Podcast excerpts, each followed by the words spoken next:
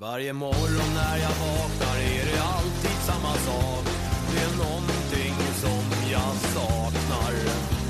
Min gamla sletna tröja som jag haft sen jag var barn. Min tröja och mitt lag. Ingen ska Djurgården kvitterar till 2-2. Emil Kujovic på väg. ifrån mig. Ni kan hellre ta min tjej. Hallå där och hjärtligt välkomna ska ni vara till ett nytt avsnitt av podden Min Tröja. Eh, Jag heter Fredrik Tambert och med mig från Åre är Malcolm Svensson Rottmeier. Hur är läget? Jo då, men det är ju fint. Eh, serieledare på nytt och Sverige öppnar upp och eh, allt sånt där. Det känns inte som att det är mycket man kan klaga på i nuläget. Du valde att fly stan samtidigt som restriktionerna släpptes. Ja, eh, men jag måste väl ordna till här lite inför vintersäsongen. Och Djurgården lirade ju här uppe, inte för att jag var där, men men sen så är det väl dags att börja liksom återgå till det normala nästa vecka. Jo då, så är det. Jag är redan igång med det normala så att för mig blir det business as usual. Men du nämnde ju det att vi eh, leder ju serien nu. Eh, sen vi spelade in sist har det spelats tre matcher. Eh, vi har tagit sju poäng av dem. Eh, stark eh, oavgjord borta mot Malmö. Eh, ett, en svajig seger hemma mot Degerfors och sen eh, gjorde vi processen kort med Östersund här nu senast. Vad, hur summerar du de här tre matcherna? Jag tyckte du gjorde det ganska väl eh, ändå. Liksom. Starkt att spela lika eh, borta mot Malmö. Eh, ja, men, och sen gör vi vad, vad som krävs för att vinna mot Degen och, och sen nu också ja, men, sex poäng. Det var de här, ja, vi tog tio poäng på de här matcherna. Det hade jag verkligen hoppats med, inklusive Bayern derbyt. Alltså fyra plus sex och det är väldigt starkt gjort. Och det har ju gjort att vi gått upp i topp också. Ja, det är kanon. Eh, otroligt skönt att eh, AIK torskade mot Degen också här senast. Eh, nu eh, ligger vi där uppe i ensam majestät. Ehm, och eh, ja, nerverna inför söndag. Hur känns det? Alltså man, man vågar nästan inte ens tänka på det. Men, men just givet att vi har skapat oss det här läget så lika är ju riktigt jäkla bra. Seger är fantastiskt och en förlu- förlust är ingen katastrof ändå. Nej, det är... Ja, herregud. Alltså det, det finns så många parametrar eh, med det här derbyt som jag tycker är värda att gå in på. Eh, jag vet inte om vi behöver liksom prata så mycket egentligen om de matcherna som har varit, mer än att konstatera bara att eh, ja, vi ligger bra till och eh, trots att det har varit ett tajt spelschema så har vi liksom eh, spelartruppen hyfsat intakt och ja, det verkar vara liksom god stämning. Jo, men verkligen. Och, och det man ändå kan konstatera på något sätt är det här att ja, okej, okay, vi tar sex poäng, men eh, kan verka enkelt mot de här lagen. Men AIK förlorar ju mot Degerfors och det är sådär att Malmö när de lirar mot Mjällby, det är eh, enligt oddsen ungefär 70 procents chans att de vinner. Det var en kompis till mig som jämförde med straffläggning där när vi vann mot Degerfors. Nu har vi slagit in vår straff. Nu måste de andra lagen svara och det är ju lite så i de här matcherna när man spelar mot Mjällby och så där. Det är ändå liksom tre gånger av tio mot sådana lag ungefär så, så vinner man inte. Tre gånger av tio ungefär missar man en straff. Det, det är liksom det är inte helt enkelt utan det är ändå sex viktiga poäng vi tagit här efter en enorm insats eh, i Malmö så att säga. Mm. Vi ska väl riva av matchens tröjor här lite snabbt också. Eh, vilka skulle du vilja ge? Ja, men Widell Zetterström är väl självklar för Malmö. Ja, ja, det går inte att snacka bort. Hans insats där var ju verkligen poängräddande. Sen eh, Degerfors, eh, ja som sagt det var väl ingen kanonmatch direkt. Eh, kanske man skulle kunna ge en till Harris för att han satte det avgörande målet. Ja, vilken löpning by the way ändå från Harris Argentinas. Där har vi ju en riktig anfallslöpning. Och eh, sen har vi då Östersund här sist och eh, jag vet inte, efter den eh, missilen som Chili skickade iväg så känns det väl nästan som att han borde få den. Ja, det var. Ja, här har vi snackat om att det är för lite slutprodukt, men han har ju visat en del hårda skott här de senaste matcherna. Han hade väl nått i ribban, var det mot Malmö? Va? Så att, sen, sen eh, var ju, det var ju, nu blev det liksom lite bomben och, och in i mål så att säga. Fin kassa av Une där också. Verkligen. Men man tycker ju Chili, som du säger, han har ju ett bra skott. Eh, jag tycker han borde utnyttja det mer, alltså försöka gå på avslut oftare. Det känns som att han tvekar lite ibland, eh, tvekar lite grann och, och liksom kanske vänder ut mot kanten eller vänder tillbaks. Han borde gå för det lite oftare. Verkligen, och han verkar utvecklas eh, skotttekniken också successivt under Djurgården. Så det är ju en sak som ändå är positivt också. Du, en grej vi måste nämna här också innan vi går helt in på derbyt, det är ju att eh, Mange Eriksson blev uttagen till landslaget. Vad säger du om det? Ja, men vi har väl pratat om det nästan i alla fall. Det, och det är han väl väl värd. Han gjorde ju några mål här i de här matcherna också. Och, och eh, han är ju vår absolut viktigaste spelare, eh, får man väl säga. Eh, har varit hittills under säsongen i alla fall. Och, ja, nu har ju han varit i både Kina och USA och är väl ändå över 30 år. Annars hade han varit några år yngre så hade väl någon sån liga varit tokaktuell för honom skulle man nästan kunna tänka sig så jäkla bra som han har varit ändå. Ja, men det är ju ganska ovanligt ändå att en allsvensk spelare i hans ålder bli uttagen till skarpa eh, tävlingsmatcher med landslaget. Så det om något säger ju hur bra han har varit den här säsongen.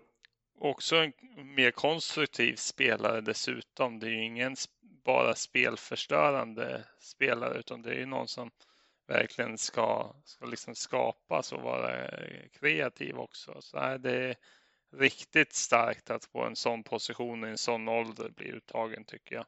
I en riktig landslagstrupp. Ja, sen får man väl se. Det är kanske inte jättetroligt att han får eh, så mycket speltid, men, men ändå. Det, han är väl värd eh, den där uttagningen. Och, ja, sjukt kul för honom.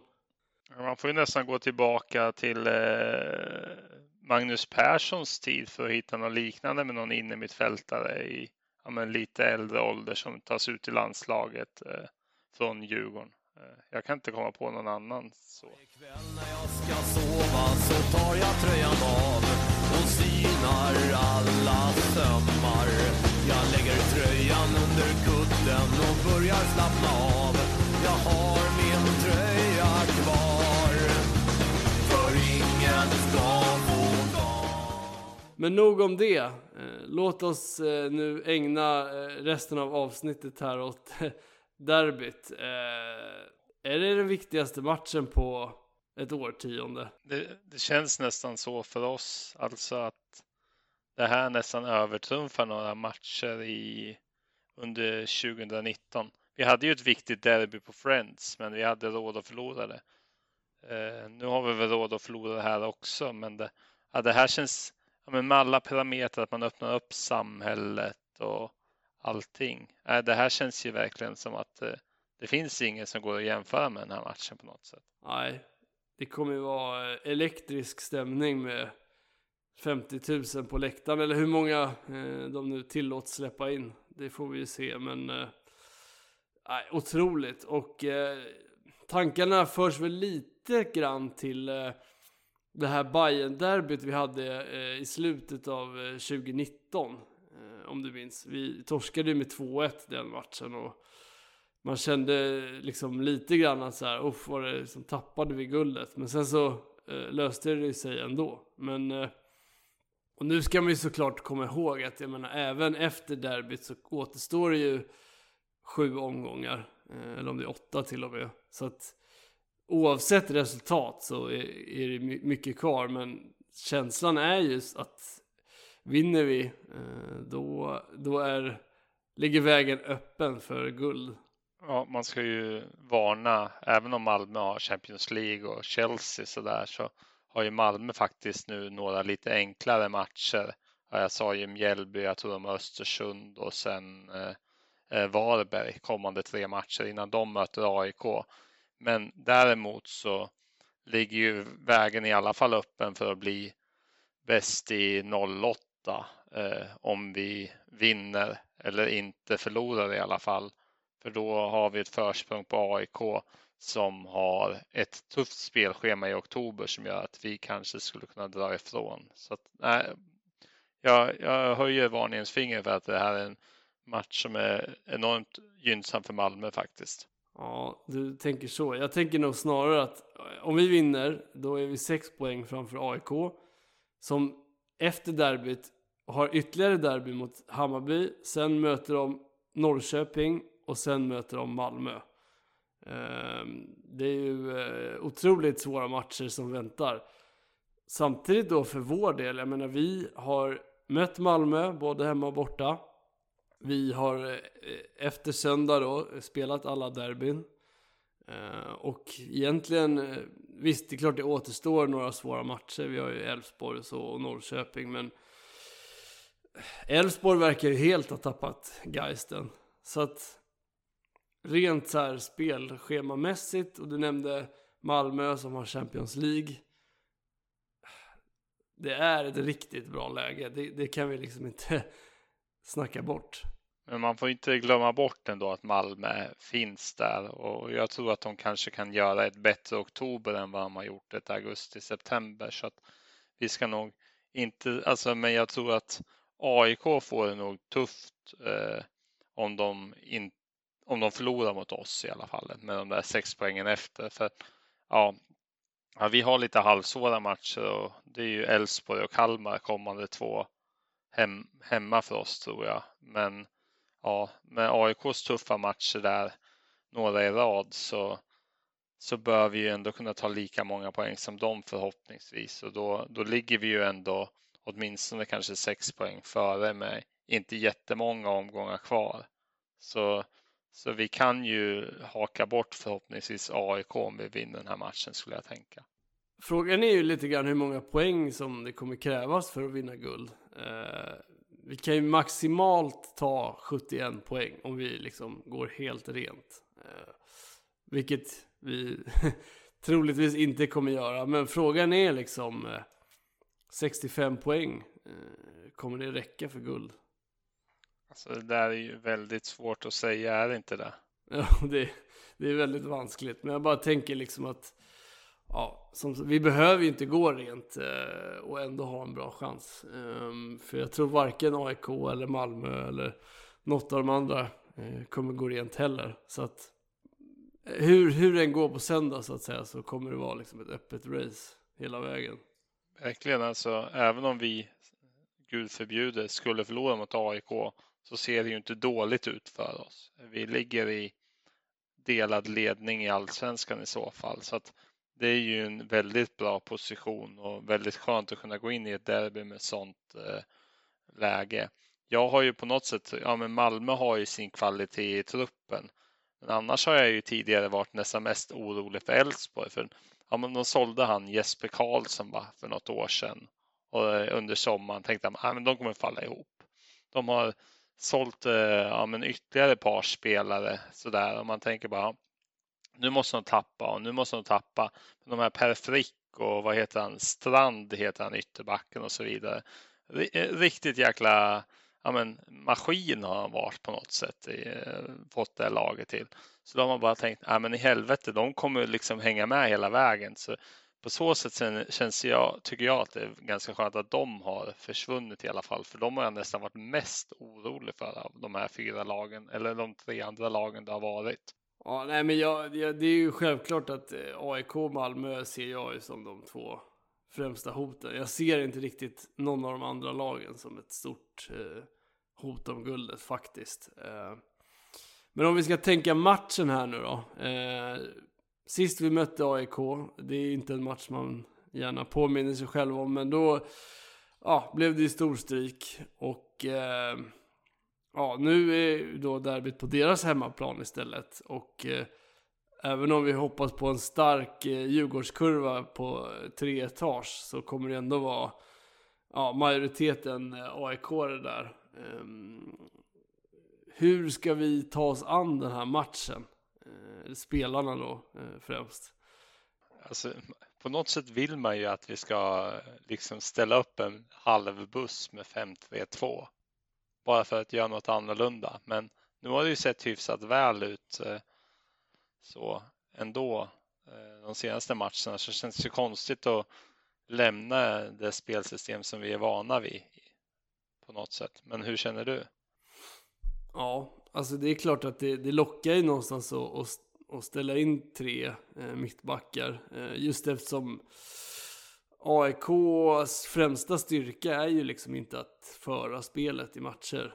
Eh, men om jag känner Kim och Tolle rätt så eh, kommer de inte göra det. De eh, tror så pass mycket på sitt spelsystem och spelidé. Så att de, de kommer liksom inte ändra det förrän då om det ska stängas till i slutet av matchen. Men jag tänker liksom rent så här psykologiskt för det är ju klart att pressen ligger ju verkligen på, på AIK här. De måste vinna. Eh, Medan vi kan slappna av lite mer. Och, och, spela utan press just också efter att det är, eftersom att det är bortaplan. Eh, så har vi inte kanske riktigt den eh, pressen på samma sätt. Men eh, samtidigt så är ju en vinst. Eh, det hade ju varit otroligt fint att, att slå dem på bortaplan. Så jag bara funderar på hur man ska tänka, liksom gå in rent inställningsmässigt, psykologiskt. Vad, hur, hur, ska, hur, tror, hur hoppas du att de förbereder sig? Men jag hoppas att de eh, liksom tar tillvara på vad de gjorde mot Bayern och så på något sätt eh, säger man ja, men vi lyckades ju vinna ett derby för några veckor sedan mot eh, Hammarby och men gör liknande uppladdning och liksom går in på på liksom det sättet. Man, att man inte liksom försöker uppfinna hjulet på nytt eh, bara för att eh, det är AIK nu som står på andra sidan. Så för att eh, kommer vi upp i standard så är vi ju väl så bra som AIK. Det är klart att Sebastian Larsson är tillbaka som inte var med mot Degen. Och det kommer väl hjälpa dem, liksom Milosevic en duktig mittback som också var avstängd. Men ja, vi är ju inte ett sämre fotbollslag. Det vi framförallt måste se upp med är ju deras fasta situationer. Hörnor, frisparkar. Det är det de har varit eh, otroligt vassa på i år. Och där är väl lite, alltså hur mycket ska man tänka på det tycker du i laguttagningen? Till exempel att eh, kanske premiera starka huvudspelare exempelvis. Det, det måste väl vara en, en del av det och sen liksom få liksom checka upp kungen för att han eh, heter han 81 då är ju exempelvis väldigt, alltså han fick ju bort vänt totalt här om matchen så att säga. Så att, jag menar, det gäller ju på så sätt att man har koll på och sen om Bahoui spelar så måste man ju ha koll på hans yta liksom. Så att det, det är klart att man måste vara uppsjungen och Schüller måste vara redo för för att liksom kanske stänga till ytan bakom, eh, framför backlinjen liksom. Och, och sen, eh, ja, som du säger också, det gäller ju att vara extra noggrann på fasta situationer. Och, om det liksom så fort eh, man, man missar litet så smäller det. Klart att Löv, du tänker kanske så också att man ska ta in Lövgren då eventuellt, eller vad är din? Ja, precis. Han känns ju som en perfekt spelare i, i en sån här derbymatch. Eh, samtidigt, om vi nu inte ska gå med en fembackslinje. Eh, jag tycker att Hjalmar Ekdal har varit så pass bra att eh, han går ju i princip inte att peta. Jag tycker inte man ska peta honom. Det är i så fall Une då, eh, men han har ju också varit bra. Eh, hans relativa svaghet då jämte liksom några av de här AIK-spelarna är väl att han är, ja, huvudspelet. Han, han, är, han har ju sina begränsningar i längden. Även om han har väldigt bra spänst och, huvudspel så är det klart att kommer han upp i en, en nickduell mot eh, Milosevic exempelvis så har han ju inte jättemycket att säga till om. Fast han är ju minst lika högt upp ändå. Det är ju Alltså det är ju ofta, ibland så jag, jag vet inte om det har varit så många mål det här året och på huvudet just så på bortre stolpen. Men han har ju legat där annars och eh, och ofta liksom kanske inte eh, sluppit markering på offensiva hörnor för att man tänker så. Men han, han har ju som du säger spänsten, men den kanske är lite, lite lättare att tajma offensivt än defensivt möjligen. Då. Men om man står i en zon och liksom kan eh, liksom hoppa ut eh, mot eh, bollen och om, om den kommer mot en yta så har ju han liksom möjligheten att få farten för att få, få komma upp liksom i höjd. Så. så att, men det är klart att när det är ett sånt lag som är så tungt så ska man liksom vara extra noga med att markera vissa spelare. Alltså, det är ju zona på några spelare och sen sätter man ytterligare spelare som liksom täcker de spelarna som man är mest orolig för? Eller ska man mer köra bara zon? Eh, så jag, jag har inte liksom tänkt så mycket på Djurgårdens försvarsspel hur vi brukar göra på hörnor. Man, man är liksom så inne i matcherna men, men det, det är ju klart att det är en sån här match när det är ett sånt lag. Men sen har inte jag riktigt solklar koll på vem i AIK som är så extremt bra på huvudet som man skulle kanske vilja explicit eh, markera så på Det är mer att hörnerna bara är så överjävliga på något sätt. Mm. Ja, de har väl flera. Eh, Milosevic har vi nämnt. Vi har ju Goitom givetvis. Eh, Bahoui. Eh, och ja. De, de har väl, ja det är väl främst de då. Men de är ju kanske bra nog då. Men nej visst, det, grunden är väl bara någonstans att man tränar på det och, och närstuderar deras eh, fasta situationer och verkligen försöker undvika. För att det var ju det, var ju det vi åkte dit på eh, i derbyt mot dem också. Eh, Jakob Widell Zetterström har väl säkert dragit lärdom efter den eh, frisparken han släppte in där. Eh, och ja, det gäller väl hela laget såklart. Eh, Högerbacken är väl, jag tror inte att de kommer göra några ändringar på mittbacksplatserna. Eh, förutom då stänga till med Lövgren i andra. Eh, högerbacken är ju lite intressant. Där har det varit lite rotation här nu de senaste matcherna. Eh, de verkar inte riktigt lita på Kornik, eh, att han håller på den här nivån. Så då är väl frågan om det blir Harris eh, eller om Nyholm då möjligen eh, skulle vara fit for fight igen. Jag vet inte riktigt status där. Nej, det är väl lite småklart eh, om man. Det är mer snack att Schüller är tillbaka i alla fall, vilket känns jätteviktigt. Men eh, Nyholm är lite oklart och ja, det, är, det är inget av de tre alternativen som känns 110 procentigt eh, så att säga. Nej, jag tycker ju som alltid att eh, ytterbacksplatserna känns ju som vår, vår svaga länk. Och, men, men jag tror att det kommer bli Harris. Eh, han är ju alltid stabil och bra i vilken position han än spelar. Och, ja, kanske bra att ha där bak liksom i ett derby också. Eh, att smälla på lite grann och vara lite, spela fult liksom på gränsen. Eh, det kan ju behövas. Nej men verkligen, jag menar det var ju ganska kul att se honom vara på och gnaga lite på Djurdjic och sådär. Han, han är ju verkligen en, och även Christiansen mot Malmö. Han är ju en sån spelare som liksom ger och tar så att säga. Han, och han är väldigt duktig på att liksom ägga upp motståndarna lite så att de kanske får kort och hamnar liksom lite ur balans. För det tycker jag Christiansen gjorde efter att han varit inne i en del dueller med Haris Radetinac faktiskt. Ja men just i, i de här stora matcherna, derbyn och Malmö och så, det är ju det mentala spelet är ju extremt viktigt. Eh, och ja, det är bara att hoppas att vi bemästrar det eh, bäst nu på söndag. Ehm, det som är lite intressant kanske att fundera kring är ju också hur vi ska formera eh, anfallet. Där har det också varit lite rotation här de senaste matcherna. Vad, vad tycker du? Hur ska vi ställa upp?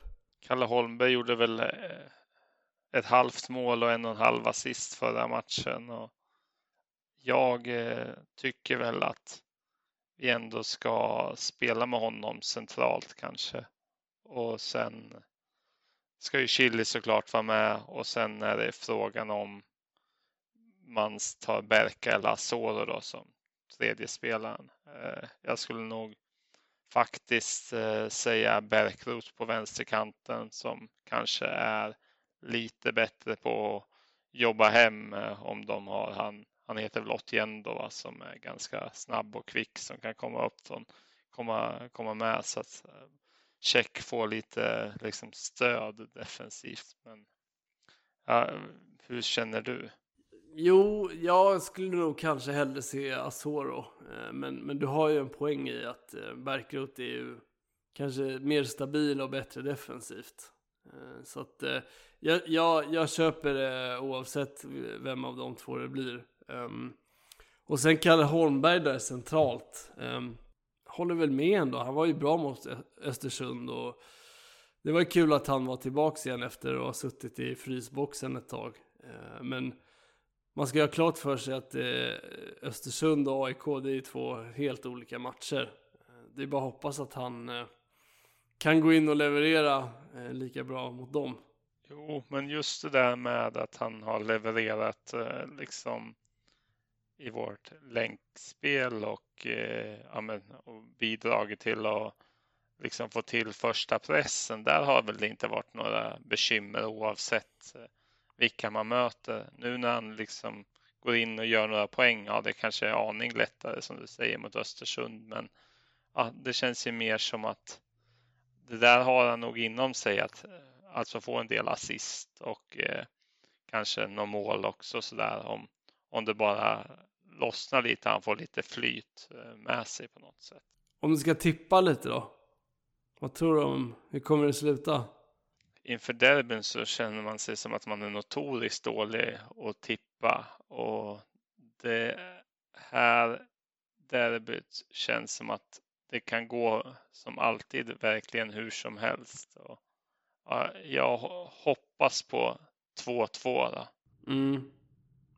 Ja, jag hoppas givetvis på seger. Eh, 3-0 säger jag. Hoppas ju jag också. Om du talar då också om Azor och sådär så har vi liksom möjlighet att ställa om och så liksom låter AIK, ja men de måste ju på något sätt vinna och låter vi dem tvingas till att bjuda upp till dans och, då utnyttja det till att liksom få ytor för att annars är de ju väldigt bra på att ställa upp. Men eh, utnyttjar vi det till att få lite ytor så är ju Asoro väldigt bra att ha med utöver Chile. Just, men Berka är också bra där i och för sig. Just för att man kan få liksom ytor som man kan sticka på som, som han ändå bidrog till när han stack ganska fort när eh, eh, vad heter han? Eh, Findell slog eh, bollen till honom och vi gjorde 3-2 mot Degen sedermera. Alltså det, så fort man får liksom ytor så sticker jag så och Chile snabbt. Ja, alltså kan vi få sådana ytor mot AIK då kan det smälla några gånger tror jag. För där kommer de kanske inte riktigt hänga med i så fall. Jag tror framförallt kommer det bli viktigt att inte släppa in ett mål tidigt. Eh, för då kommer de få publiken med sig, de kommer få självförtroende. Och så kommer det liksom, eh, medan det blir motsatt då för oss. Eh, jag tror att det blir, ju längre matchen går, om vi kan hålla nollan eh, och kanske hålla 0-0 en bit in i andra eh, då kommer det öppna upp sig. För då kommer AIK känna sig tvungna att eh, gå framåt helt enkelt. I och med att för dem är oavgjort inget bra resultat. De vill ju vinna och behöver vinna. Medans ja, som sagt, vi kan ju ligga lite på försvar, ligga eh, kompakt och sen då när det öppnar upp sig kunna ha möjlighet för, för kontringar helt enkelt. Ja, men jag håller med och vi har väl hållit nollan typ hälften av matcherna i år. Vi har väl hållit nollan eh, typ 10 tror jag av eh, drygt 20 matcher. Så att Eh, vi har ju uppenbarligen kompakt försvarsspel och det är därför jag lite tänker det här med att eh, skulle vi ställa upp med 5-3-2 och, och få en till mittback och sen ha, ha ja, men någon vindsnabb där uppe, då är det ju liksom ligga ganska lågt och få upp AIK och liksom ha 0-0, satsa på kontring. Lite Malmö-matchen gjorde väl på så sätt, även om vi inte spelar 5-3-2 då, så så lät vi ju dem föra spelet så ville vi gå ganska snabbt eh, framåt helt enkelt. Och det kan vara ett vägvinnande spel skulle jag kunna tänka mig även mot AIK. Eh, eh, liksom inte riktigt vi behöver inte föra den här matchen helt enkelt. Nej, det blir eh, sjukt eh, kul och eh, ja, man eh, börjar ju redan bli nervös här känner jag trots att det bara är onsdag kväll när vi spelar in. Men det kommer bli en jävligt häftig match att gå på i vilket fall.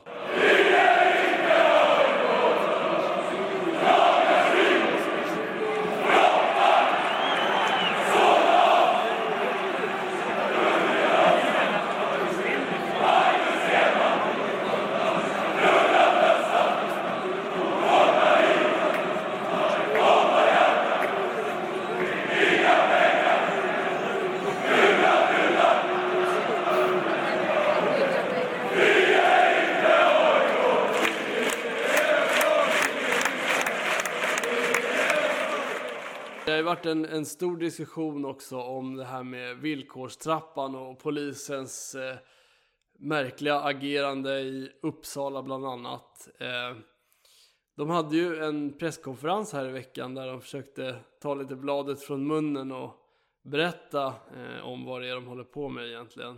Eh, vad säger du? Blev du så mycket klokare? Alltså jag, jag, jag, jag är liksom så här lite, jag har inte brytt mig skitmycket om det här så att säga.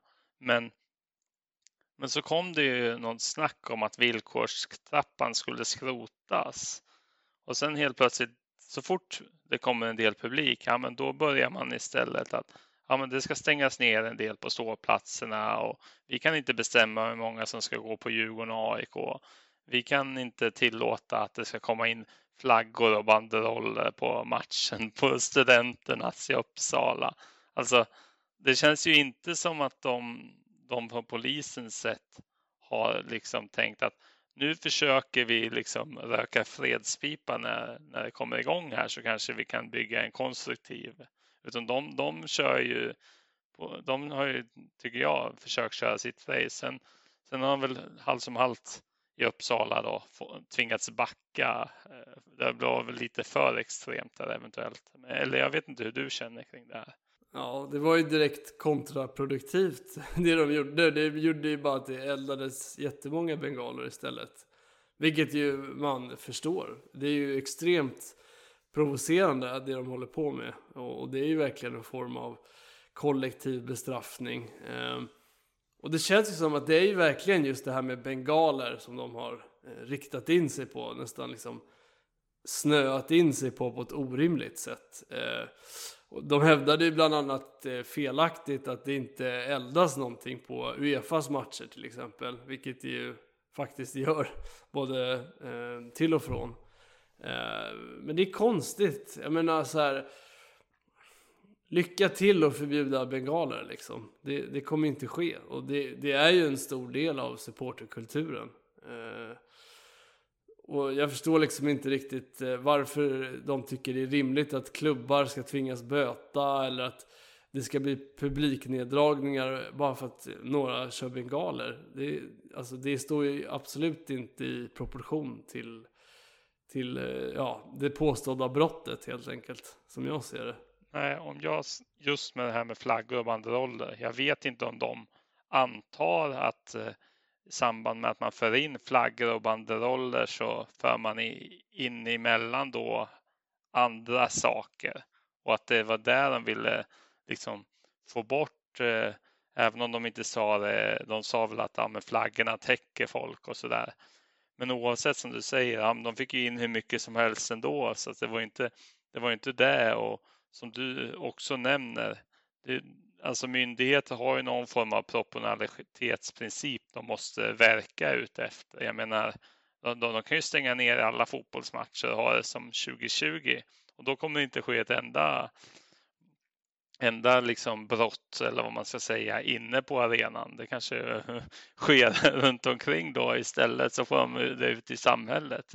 Men, men det är ju inte någon proportion alls att totalt eh, hindra folk att eh, ta in flaggor och banderoller om man tror att det bidrar till ja, vad de tycker då är problem med bengaler. Jag, jag, jag tycker det här är totalt suspekt och från min sida så kände jag ju nästan att man hade velat gjort någon form av sån här eh, parafras på eh, Karl Johan De Geers gamla skända flaggan och skriva snuten på svenska flaggan och sen ha liksom bengalrök som sticker upp från flaggan. Det, jag är ju lite för dålig som konstnär, men det hade varit jag tycker att det, det, det, fanns en passande bild just där, för jag, jag, tycker polisen har snurrat bort sig lite här och nu känns det som att nu kommer det bli fulla läktare och tyvärr med en väldigt agg mellan fotbollssupportrar och polis som de hade kunnat liksom vara, vara liksom lite vuxna i rummet och sluppit om de hade betett sig lite bättre nu när det var färre folk på arenan.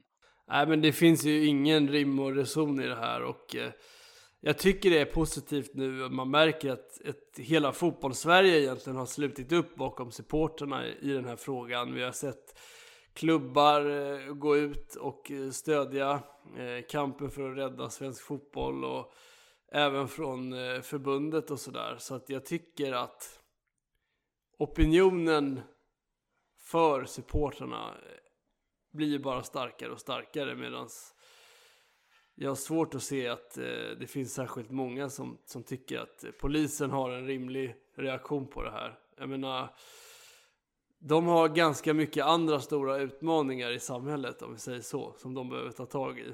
Eh, och fotbollen, det är ett, alltså, till allra största del ett positivt fenomen i samhället. Där många kanske som skulle vara i riskzon för att, att hamna i kriminalitet eh, istället liksom går på fotbollsmatcher och, och liksom hittar eh, polare för livet och, och, kan liksom hålla på med tifon och, och utöva ett supporterskap som är mycket mer positivt än att och liksom kanske gå med i något eh, kriminellt gäng eller så. Eh, så att, ja, jag vet inte. Och, och, som sagt, de kommer aldrig få bukt med bengaler som de tycker är ett problem genom att eh, sätta hårt mot hårt. Eh, det kommer bara bli värre. Eh, väl talat. Eh, som sagt, jag är ju tyvärr inte en tillräckligt bra konstnär, men om vi ska innan vi slutar så har ju Björn eh, sagt att vi ska nämna Art by Dutti som är med och eh, sponsrar tillsammans för DIF Swish-kampanjen där, där han har bidragit bland annat. Det är lite olika bidrag in i en pott som man kan vinna om man swishar då pengar för eh, Berit och Östra. Så jag letar på Instagram efter Tillsammans för DIF tror jag, eller Tillsammans för Östra kanske det heter. Du kan säkert fortsätta att fylla på Fredrik. Ja, men precis. Tillsammans för Östra heter ju eh, insamlingen och eh, man kan söka upp den exempelvis om man går in på Art by Dutti på Instagram. Det är vår vän Patrik Dutti, den eh, duktiga Djurgårdskonstnären får man väl kalla honom för. Han gör ju också fina tavlor med Djurgårdsmotiv. Eh, så att eh, honom ska man följa tycker jag på Instagram. Men eh, gå in där och swisha gärna en slant för att stötta Berit och eh, Östra station. Det är ju såklart ett, ett klassiskt Djurgårdshak där eh, du och jag bland annat satt Malcolm för knappt två år sedan och, och diskuterade om vi skulle starta den här podden. Så var det och det var väl just innan pandemin kom, i, kom igång där och sen har man väl, jag har varit där något enstaka tillfälle men inte så mycket som man skulle velat. Eh, tack för övrigt för att du hjälpte mig. Jag är ju aldrig så jäkla duktig på, på de här tekniska prylarna med Insta och sådär. Men eh, jag lyckades halvvägs. Du, du råddade upp det sista. Nej, men i alla fall så Östra vill man ju stödja och eh, jag kommer väl tänka mig att här framgent eh, försöka stödja dem mer också. Återigen eh, dra dit och käka en god bit mat och dricka lite gott till det så att säga. Ja, men det får bli några pivo på Östra här snart igen. Det, det tycker jag definitivt.